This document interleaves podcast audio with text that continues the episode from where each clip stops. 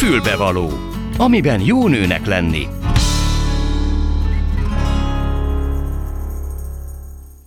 Tisztelettel köszöntöm Önöket, a fülbevaló mikrofonja mögött Gálildi. Hát meleg van, kitört a nyár, és ennél csak melegebb lesz. Márpedig eh, a meleg is bizonyos szempontból konfliktus forrás. Ezt a nagyon bonyolult fordulatot most csak azért mondtam el, mert ebben a mai műsorban alapvetően a konfliktust, a konfliktus kezelést szeretnénk így vagy úgy körbejárni, többféle szempontból, illetve hírt adunk majd egy egészen izgalmas konfliktusos történetről, amelynek a dokumentálását végezte valaki. De hogy ne legyek ennyire bonyolult, és ne beszéljek ennyire rébuszokban, szóval először is a mediációról szeretnénk majd beszélgetni dr. Herzog Máriával, aki remélem, hogy közben elérődött telefonon, vagy így van, vagy nem. De eh, ha sikerül, akkor vele mindenképpen a mediációról, a mediáció technikáiról fogunk beszélgetni, illetve arról, hogy ki az, aki alkalmas mediátornak, mert ugye nyilván ez sem feltétel nélkül való hivatás. Ebben a kultúrkörben pedig, ahol mi élünk, általában én azt gondolom a saját tapasztalatból és másokéból is talán leszűrni, hogy sokkal inkább a vagy-vagy megoldások híve vagyunk, mint az is-is-é. Azon kívül, hát aki nincs velünk, ugye az ellenünk van, és még folytathatnám. Tehát mindenre alkalmas megoldás lehet a mediáció, Erről fogom kérdezni dr. Herzog Máriát. Utána, vagy előtte pedig a Nézőpontváltó Egyesület képviseletében Sári Edinát fogom fogadni, aki egyébként ennek az egyesületnek ötletadója, de nem csak ennek, hanem a színházi stafétának, a rákellenes színházi stafétának is. Ő is telefonon lesz a vendégünk. Aztán pedig eh, a hírek után egy valóban igazi konfliktusos és hosszú lejáratú történetről fogunk beszélni, aminek még nincs is vége. Ugyanis az SFE körül körüli eseményeket, a blokádot, mi több a blokád utáni történéseket is eh, számtalan fotóval dokumentálta Todorov Lázár, aki egyébként már itt is van, és nem sokára hírek után be is ül a stúdióba.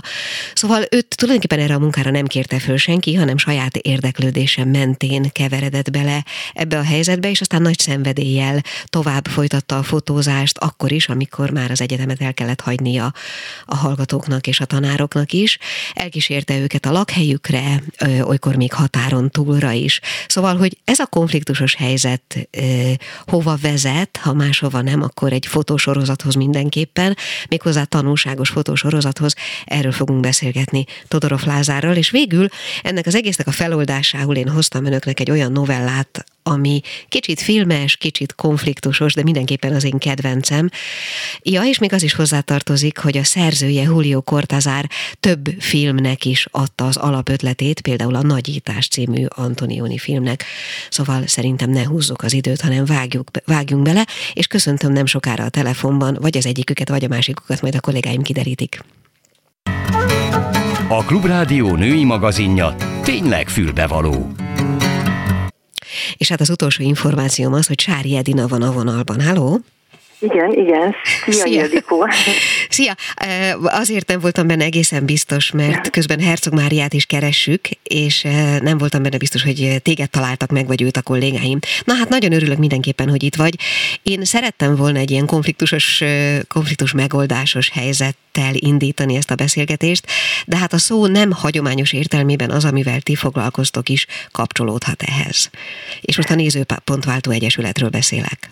Igen, igen, de ha egy konfliktusról beszélünk, talán itt volt a legutóbbi, talán egy olyan egy-másfél hónapi egy társadalmi konfliktus, amikor Kásler Miklósék egyik napról a másikra beszüntették a népegészségügyi szűréseket. És ez pont egybeesett azzal, amikor Lengyel Anna dramaturg, műfordító, a panodráma vezetője meghalt, és ez a kettő valahogy bennem felháborodásba, fájdalomba fordult, és úgy csapódott le, hogy írtam egy, egy sajtóközleményt, amihez még csatlakoztattam 13 ugyancsak rákellenes civil szervezetet egy szombat estén, amikor ők is otthon ültek és a családjukkal voltak, és vasárnap reggel ezt az MT-be feltoltuk ezt a aggodalmunkat, fejeztük ki, tehát nagyon szofisztikáltan leírtuk, hogy ilyet nem lehet csinálni egyik napról a másikra, hiszen amúgy is nagyon-nagyon kevesen járnak szűrővizsgálatra, és egy hét múlva visszaállt a, a rendszer. Úgyhogy mi talán ebben tudtunk segíteni egy picit, de, de ez, egy, ez egy nagyobb méretű konfliktus lehetett volna. Hm. Akkor egy picit azért beszéljünk az Egyesületnek a, a céljairól, mert az talán most már, hogy rákról van szó, ez talán kiderült az előbb elmondottakból, Igen. de azért, hogy, de azért, hogy ez pontosan honnan indult meg, mikor jött létre, és mi minden célja van, azt talán nem mindenki tudja. Igen, igen. A Nézőpontváltó Egyesület 2016-ban alakult két alapvető céllal, mindkettő a figyelemfelhívás. Az egyik a szűrővizsgálatukra való, ö, ö, el, ö, való részvételre való lehetőségnek a, a felhívása, a másik pedig a mentális rekreáció, vagyis a kikapcsolódás fontosságára való figyelemfelhívás. Ö, az egyik ugye a testi egészség ö, érdekében fontos, a másik viszont a lelki egészségünk védelmében. Az egész úgy kezdődött, hogy a Pesti Magyar Színházban 2015. októberében a Kiodzsai Csetepati előtt a színház igazgatója és igazgató helyettese dr. Borbényi Erika onkológussal kiegészülve a színpadon egy, egy ilyen kis figyelemfelhívást két mondatban elmondta, hogy emberek járjatok rákszülésre, mert az, az fontos, hogy éljetek. És ez annyira jól sikerült, hogy arra gondoltunk, hogy mi lenne, ha ez minden színházban minden évben megtörténne. Azért az, 2016 uh-huh. áprilisától megszerveztük a rákellenes színházi stafétát.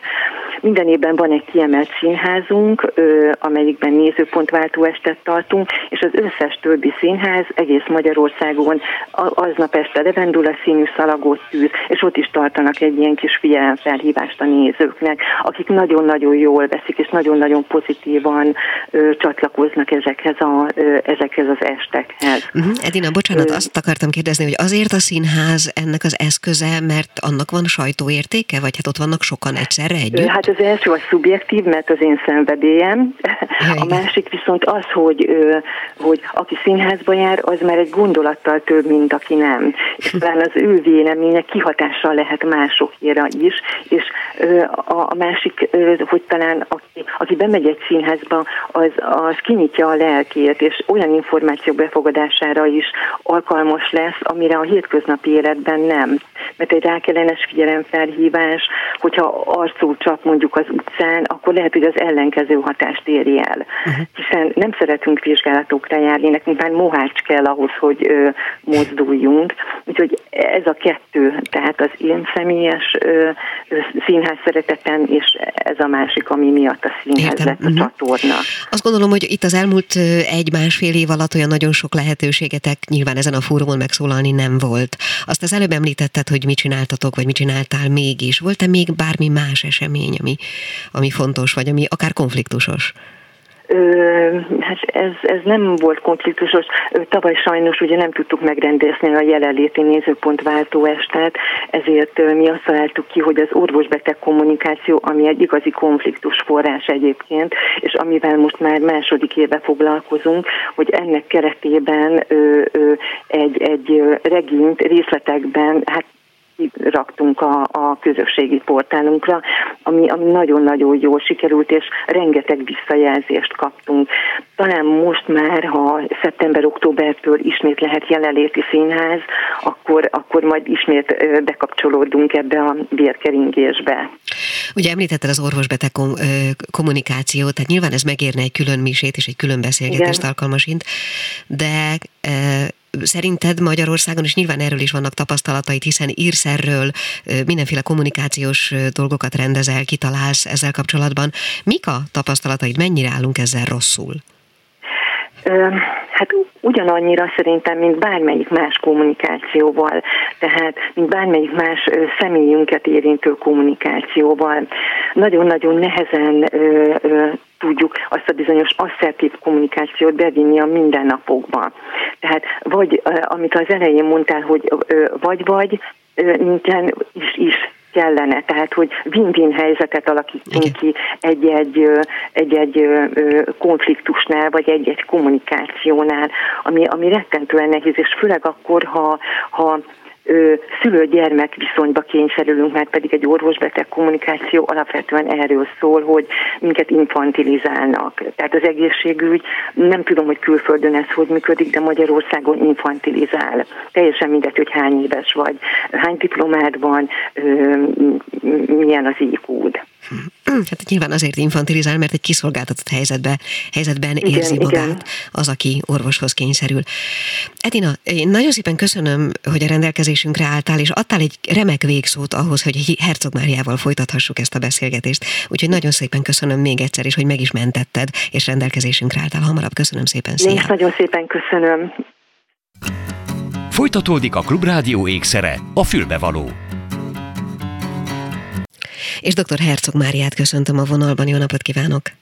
Jó napot kívánok! Na hát nagyon örülök, hogy a rendelkezésünkre állt, és tényleg nagyon megtisztelő, köszönöm szépen. A mediációról szeretnénk beszélgetni ebben a körben.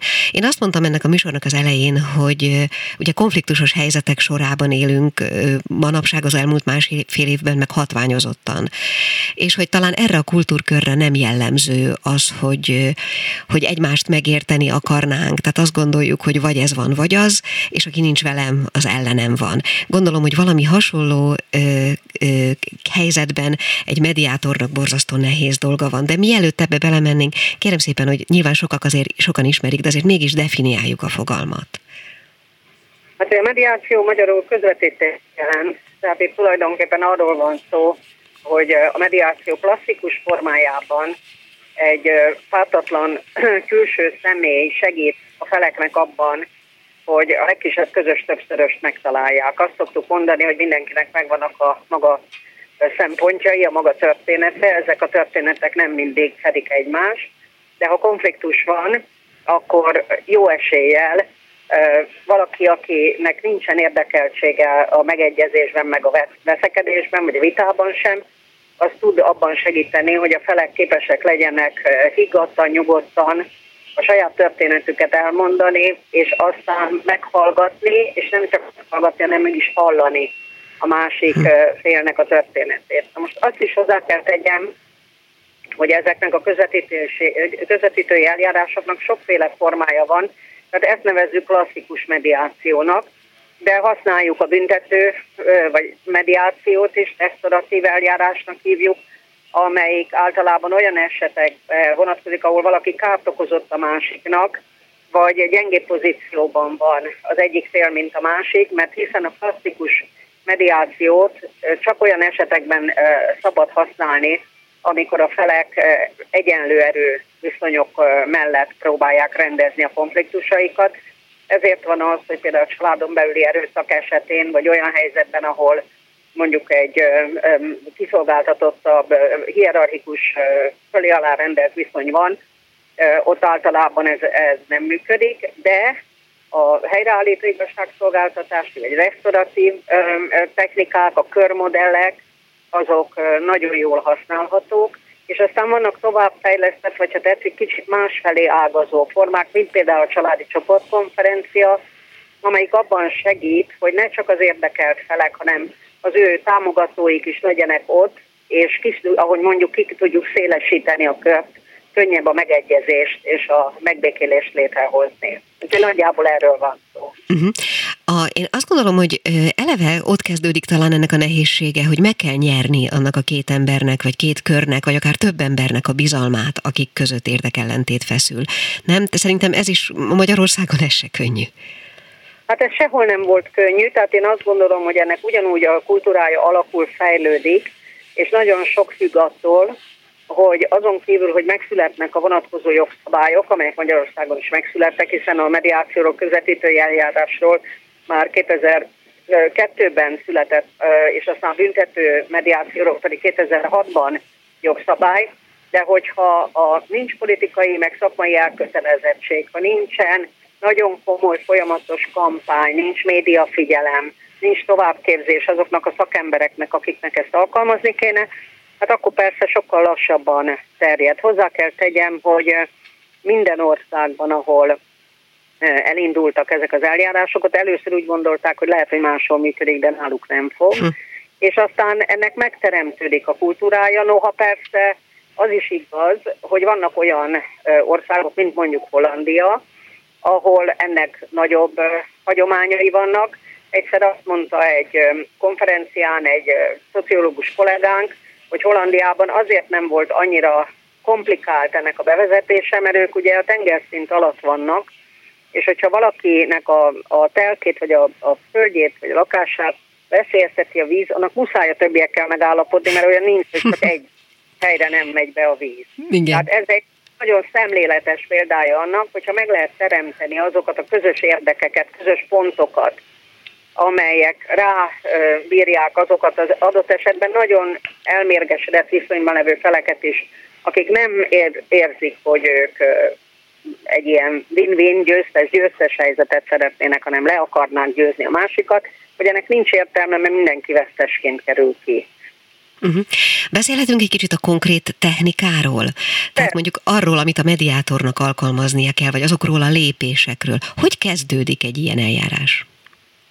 Ugye optimális esetben úgy kezdődik, hogy valaki, valamelyik fél, két fél, vagy több fél, ugye attól függ, hogy miről van szó, megkeresi a mediációval foglalkozó szakembert, vagy azt a szervezetet, amelyik mediációval, közvetítéssel foglalkozik, és segítséget kér. Ugye most már például a családjogi ügyekben, ahol gyerekek vannak, ott kötelezi a bíróság a feleket, hogy vegyék igénybe a mediációt, ami nem tesz jót persze a mediációnak, mert általában a kötelezés az nem szokott hm, sokat segíteni ugye a, a részvételi szándékon, de optimális esetben ugye ez egy önkéntesen vállalt feladat, amihez nagyon sokat segíthet, és ezt nem győzöm hangsúlyozni, hogyha elég információval rendelkeznek az emberek arról, hogy miért éri meg, még akkor is, ha ők felfokozott eh, hát érzelmi állapotban vannak, és nagyon dühösek, vagy nagyon sértettek, vagy nagyon, eh, nagyon sok eh, veszettséget éltek meg, hogy miért még mindig szerencsésebb ez, mint mondjuk a bírósági út, vagy szerencsésebb, mint hogyha a dolog nem rendeződik el.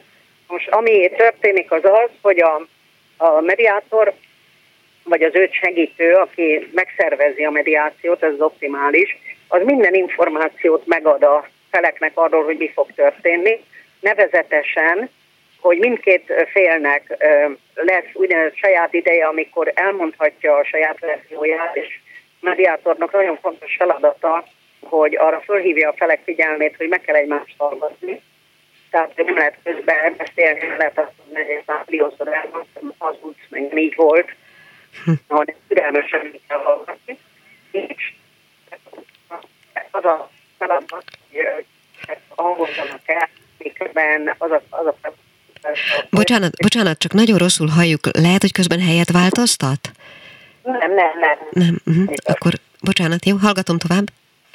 Hát fogalmaz meg a mediátor, ami előre viszi a megegyezés felé vezető utat, és azt is elmondja a feleknek, hogy itt nem az a cél, hogy egyik vagy másikuk győzzön, hanem az a feladat, hogy megtalálják azt a pontot, ameddig mind a ketten tudnak aznak érdekében egyez, e, engedni, hogy mindenki úgy érezhesse, hogy győztesként került ki ebből a helyzetből, és nem engedett többet, mint ami a méltóságának, az adott helyzetnek megfelelő. Na most ugye az nagyon fontos, hogy az előkészítés során nem esélyék el a történetet nagy részletességgel a felek, ugye akkor nyilvánvalóan nem már, hogy mondjam, kimegy a levegő a történetből, másrészt pedig optimális esetben nem a mediátor az, aki ezt a szervezési munkát végzi, éppen azért, hogy nehogy az a vád érhesse, hogy ő már egyik vagy másik céltől értesült a történetről, a problémáról, uh-huh. és ezért elfogul. Uh-huh.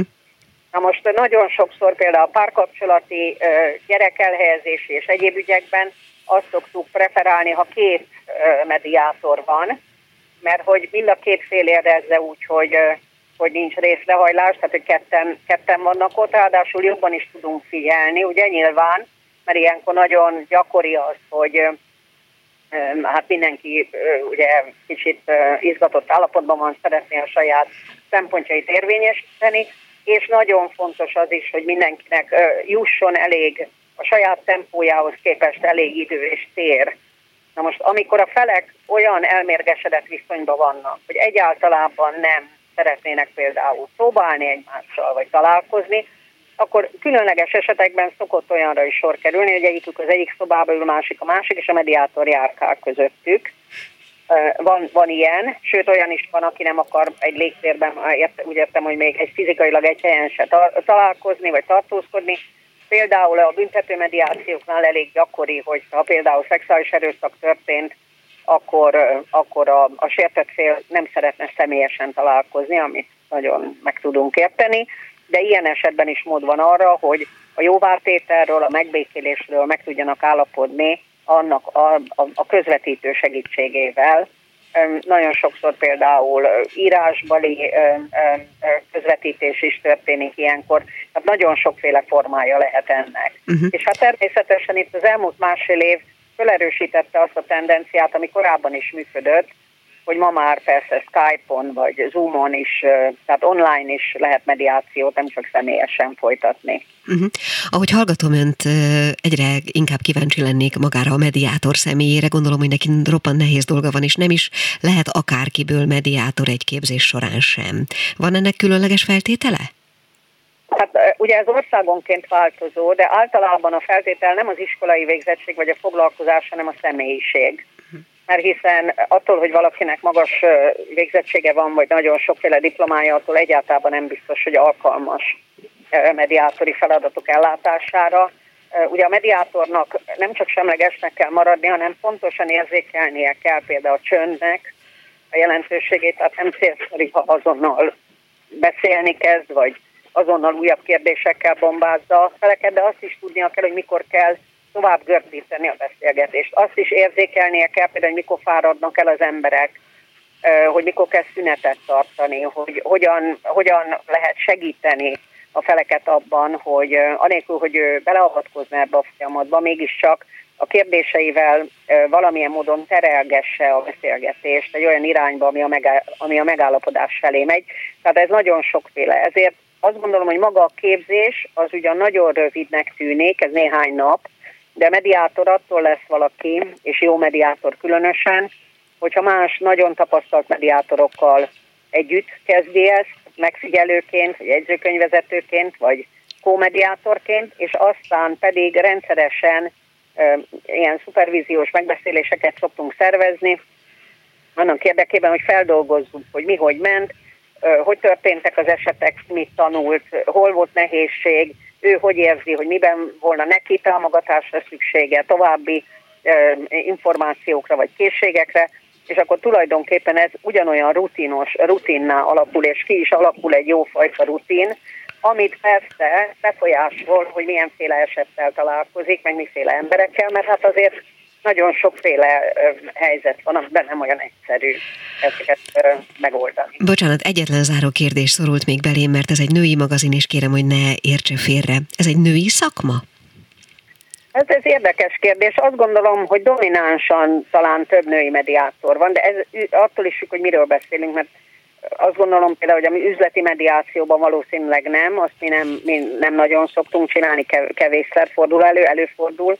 Egyre több egyébként például a közösségi környezetvédelmi mediáció, de azt gondolom, hogy például a családi ügyekben ott dominánsan több a női mediátor, miközben azt támogatjuk, amint mondtam, hogy például, ha egy férfi-nő kapcsolat problémájáról van szó, akkor szerencsés, ha egy férfi és nő, egy női mediátor van. Pontosan azért, hogy ugyanúgy, ahogy a bíróságokon elő szokott fordulni, ne érje az a vád a mediátort, hogy ő egyszerűen azért, mert ő is nő elfogult az egyik én nagyon szépen köszönöm. Te kimerítő volt tényleg a válasza. Nagyon szépen köszönöm dr. Herzog Máriának. Sajnos lejárt az időnk, és következnek Én a hírek. Köszönöm. Viszont hallásra. Viszont hallásra. Folytatódik a Klubrádió ékszere, a fülbevaló és azt mondtuk, hogy ebben a mai műsorban alapvetően a konfliktusos helyzetekről lesz szó. Nos, hát a következő az egy igazi konfliktusos helyzet volt, van, és talán még mindig nincs teljesen megoldva. E, akit itt köszöntök a stúdióban, ő nem a megoldója volt ezeknek a helyzeteknek, hanem inkább az, aki dokumentálta őket az első pillanattól. Todorov Lázár, fotós, fotóriporter, nem tudom, hogy minősítselek. Szia! Üdvözlöm a hallgatókat, szia! Mind a kettő Mind igaz. a kettő, szuper. Amiről pedig beszélünk, az az SFE körüli események sorozata. Ugye te ott voltál az első pillanattól kezdve, noha alapvetően nem vagy különösebben érintett, tehát nem voltál SFE hallgató, ha jól tudom, nem jár oda a gyereked, meg szóval semmi ilyesmi. Nem. Hanem csak érdekelt? Vagy arra jártál, vagy? Ott voltam, és az volt az intuícióm, hogy, hogy ezt meg kell csinálni ezt a sorozatot. Nem tudom megmagyarázni, hogy miért kezdtem el, de úgy éreztem, hogy ezt el kell kezdenem. Uh-huh. Hát nem csak elkezdted, hanem ugye azt mondtam az elején, hogy onnantól kezdve, hogy véget ért a blokád, ugye a blokádot is végig, tehát az összes eseményen ott voltál és fotóztál, de amikor véget ért a blokád, és el kellett hagyniuk a gyerekeknek, meg a tanároknak is az egyetem épületét, onnantól kezdve te elkísérted őket, amerre éppen jártak, mi több kíséred ma is. Tehát voltál otthon, náluk, a hallgatóknál, dokumentálni, ha jól értettem azt, hogy folyik az oktatás, és talán még határon túlon is jártál. Majd nem jártam, de végül nem jutottam el Marosvásárhelyre. Uh-huh. Az ottani egyetemmel is van koprodukciója az itteni iskolának. Ö, igen, követtem őket, mert ennek a történetnek még közel sincsen vége. Ö, én nem akarok beleszólni, és nem akarom semmilyen szinten irányítani, és még azt sem tudom, hogy mi lesz a vége. Én csak szeretném dokumentálni igazából, hogy mi történik, mert ez egy társadalmi problémának a úgy mondom, a jéghegy csúcsa, és ez a probléma, ami ott felvetődött, ez a helyzet, ez életünk más részeire is igaz, csak ugye a színészek vannak olyan szerencsés helyzetben, hogy jobban ki tudják magukat fejezni. Azon gondolkodtam régebben, hogy mi történt volna, hogyha egy mérnöki vagy hasonló helyen történik ugyanez, de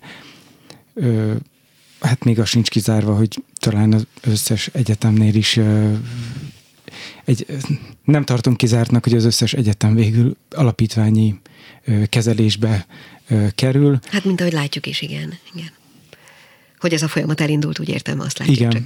Igen. Visszatérve a fotókra, én szeretném úgy végigfotózni, ahogy van, nem szeretnék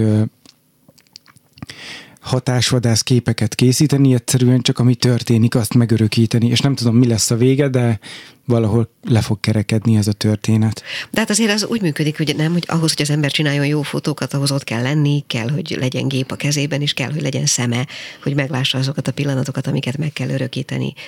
De a, a, tulajdonképpen csak azt akarom kérdezni, hogy az első pillanattól kezdve te gyakorlatilag ott voltál az egyetemen kívül, ugye? Vagy be Igen, is jutottál? Nem, nem jutottam be, megkérdeztem, hogy bemehetek-e, de ezt a döntést hozták, és ezt tiszteletben tartottam, tehát nem mentem be egyszer sem.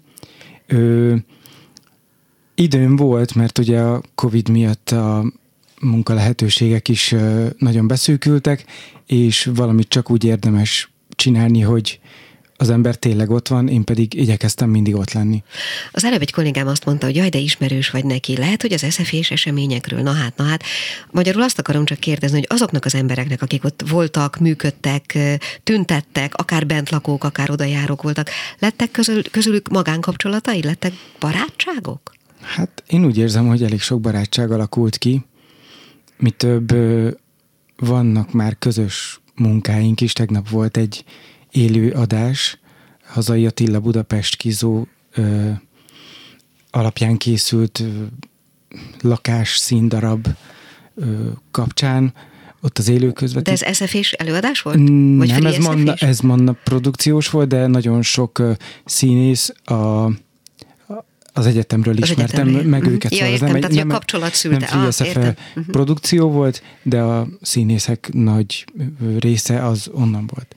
Uh-huh. Hát ez egy nagyon erős korrajz lesz nyilván az összes fotód, ami a- akkor készült, amikor a blokkád zajlott.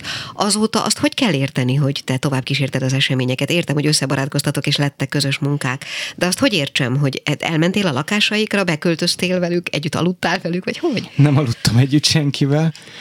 Ö- de igyekeztem elmenni hozzájuk, csinálni egy portrét ott, ahol laknak, fotózni, esetleg egy vizsga előadást, egy olvasópróbát, mm, és tényleg megismerni, vagy meg inkább megismertetni a, az emberekkel, ugye, hogy hol laknak, hogy kik ők valójában.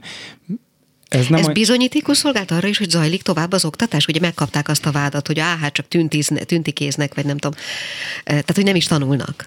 Én saját szememmel láttam, és tudom tanúsítani, hogy nagyon komoly és kemény oktatás zajlik késő estig. Minden, úgy, minden folyik tovább, hanem még erőteljesebben. Uh-huh. De e, csak azt akartam kérdezni, hogy ez, ez a, ezek a fotók azért azzal a céllal készültek-e, hogy ezt bizonyítsák? Nem, azzal a céllal készültek, hogy dokumentálják, uh-huh. ami zajlik.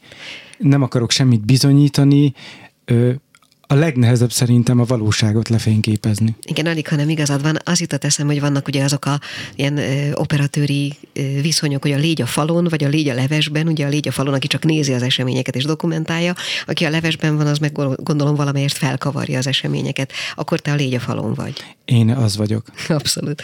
Jó, Lázár, van-e azzal terved, hogyha ez az egész eljut valahova, lezárul, történik velük valamiféle változás, vagy legalábbis nyugvópontra jut ez a dolog, hogy akkor mi lesz ezekkel a fotókkal?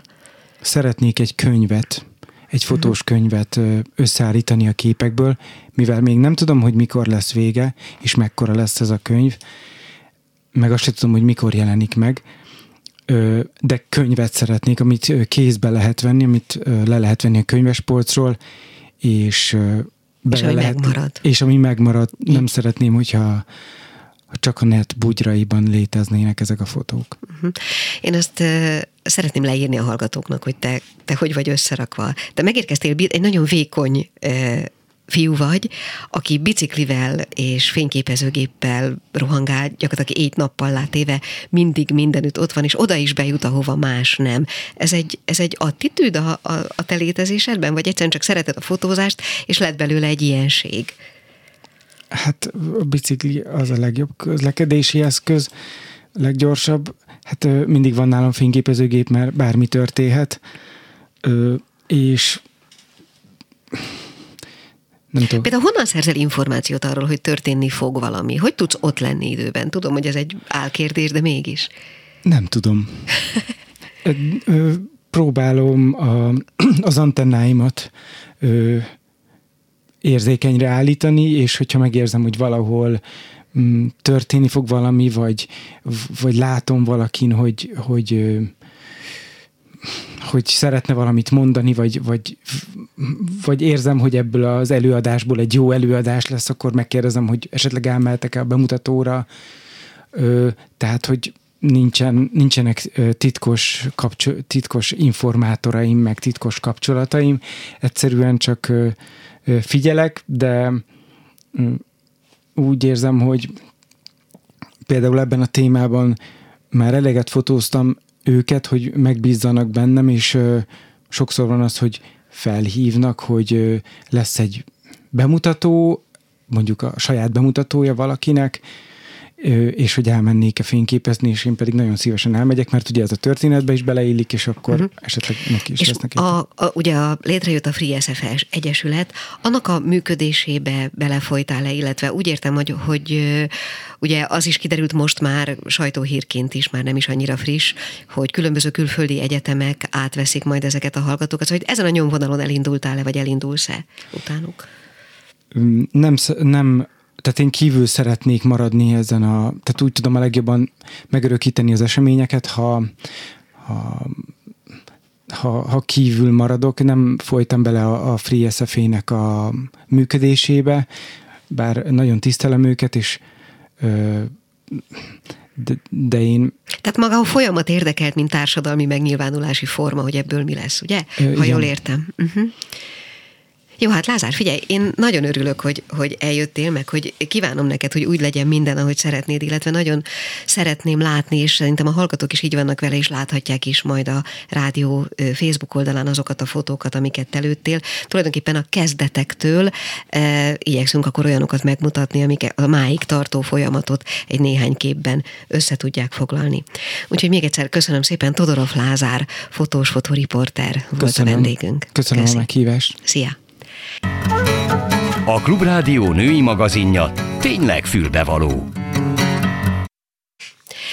És most még mindig visszatérve egy pici időre, és lehet, hogy majd még egy kicsit muzsikálni is fogunk a végén, én arra gondoltam, hogy oldásul a sok konfliktusos vagy a konfliktus kezeléssel kapcsolatos beszélgetés után hoznék önöknek egy olyan novellát, amely Hát egy kicsit filmes felfogású, és az én személyes kedvencem egyébként Julio Cortazártól való, akitől, ahogy azt a bevezetőben mondtam, például Antonioni a nagyítás ötletét vette. Én most nem a nagyítás című novellát hoztam, hanem egy másikat, de hát gondolatvilágát, illetve, hogy mondjam, vágási technikáját tekintve kifejezetten filmes, így szól. A címe az, hogy Összefüggő parkok. Néhány napja kezdte elolvasni a regényt. Közben sürgős elintézni valója akadt, így félretette a könyvet, és csak akkor vette ismét a kezébe, amikor visszavonatozott a birtokára, lassacskán felkeltette az érdeklődését a cselekmény és a szereplők jellemrajza. Akkor délután írt egy levelet a megbízottjának, tárgyalt az intézővel egy bérleti ügyet, majd ismét elővette a regényt a csendes dolgozó szobában, amelynek a tölgyfa parkra néztek az ablakai. Elterpeszkedett a kedvenc karosszékében, háttal az ajtónak, mert bosszantotta a gondolat, hogy esetleg megzavarhatják. A bal kezével megsimogatta a zöld bársonyhúzatot, majd belekezdett az utolsó fejezetekbe. Az emlékezetében még elevenen megmaradt a szereplők neve és alakja, úgy szólván azon nyomban átadta magát a regény képzeletbeli világának. Szinte természetellenesen élvezte, hogy sorról sorra egyre jobban elszakad a környezetétől, és hogy közben azt érzi, hogy a feje ott nyugszik kényelmesen a bársonyjal behúzott magas támlán, a cigarettája egyfolytában a keze ügyében van, és hogy a hatalmas ablakokon túl ott cikázik az alkonyati szellő a tölgyek alatt szavanként haladt előre, elmerült a hősök undorító dilemmáiban, és hagyta hadragadják magával az összeálló képsorok, amelyek egyre színesebbek és élénkebbek lettek, és eközben átélte az erdei kunyhóban lejátszódó utolsó találkát. Az asszony lépett be először. Szorongó léptekkel a szeretője, szeretője most ért oda, és az arcán egy megpattant faág nyomát viselte. Az asszony forró csókokkal csillapította a vérzést, de a férfi nem állhatta most a gyöngétséget. Nem azért jött, hogy megismételje titkolt szenvedélyük szertartásait, mely a szárazfa levelek és az eldugott ösvények világában lelt oltalmat. A tőr átmelegedett a mellén, alatta ott dobogott a meglapuló szabadság. Itt heves párbeszéd következett, mely olyan sebesen folyt több oldalon át, akár egy kanyargó patak, és kiérződött belőle, hogy már a kezdet-kezdetén mindketten mindent elhatároztak.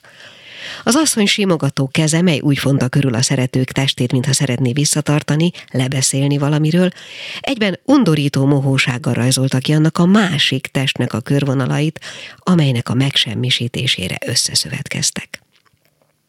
Semmiről se feledkeztek meg. Se az alibiről, se a véletlenről, még az esetleges hibákról sem. Attól az órától fogva minden pillanatnak megvolt a maga gondosan kidolgozott feladata. A könyörtelen kettős felügyeletet épp csak egy arc simogatásáig erejéig születeltették. Alkonyodott. Szigorúan kötötte őket az előttük álló feladat, egymásra se néztek, úgy váltak el a kunyhó ajtajában. Az asszonynak az éjszak felé tartott ös, tartó ösvényen kellett elindulnia, a férfi visszafordult egy pillanatra a szemközti útról, és nézte, hogy szalad kedvese azzal a szép lobogó hajával. Aztán ő is nekiíramodott. A fák és sövények között lopakodott előre, míg csak meg nem pillantotta a házhoz vezető fasort az alkonyi májva színű ködben. A kutyáknak nem volt szabad ugatniuk, és nem is ugattak. Az intéző nem szokott már ilyenkor itt lenni, és nem is volt ott. Felment a tornácra vezető három lépcsőfokon, és belépett. A fülében lüktető vér dobolásában az asszony szavai visszhangoztak. Elől egy kék terem, utána egy díszes folyosó, meg egy szőnyeggel borított lépcső. A lépcső tetején két ajtó, senki az első szobában, senki a másodikban. Azután a szalonajtó, akkor kézbe a tört, az ablakon beszüremlik a fény, ott a zöld bársonyjal bevont magas támlájú karosszék és a férfi a karosszékre támasztott fejjel egy regényt olvas. Hát akkor most lassan már az adásidő vége felé, még lehet, hogy egy picit muzsikálunk, aztán én még elköszönök némiképp összefoglalva a, a mai napon hallottakat, és aztán következnek ismét a hírek.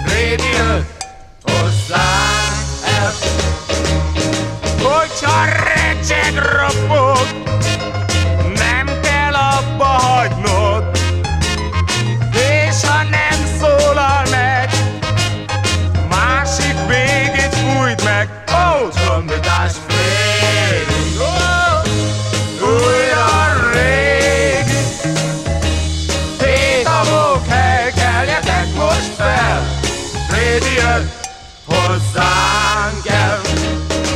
Ba ba ba ba ba ba ba ba ba ba ba ba ba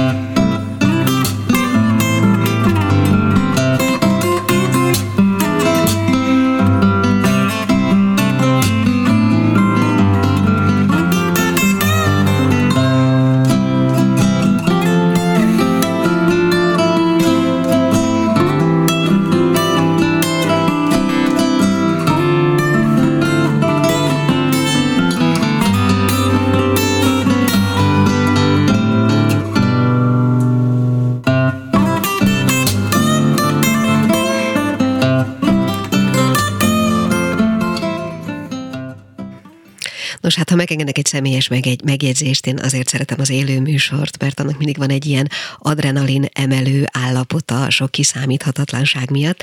És hát milyen legyen egy konfliktus kezelésről szóló műsor, hogyha nem egy picit feszült, és hál' Istennek, hogy így volt.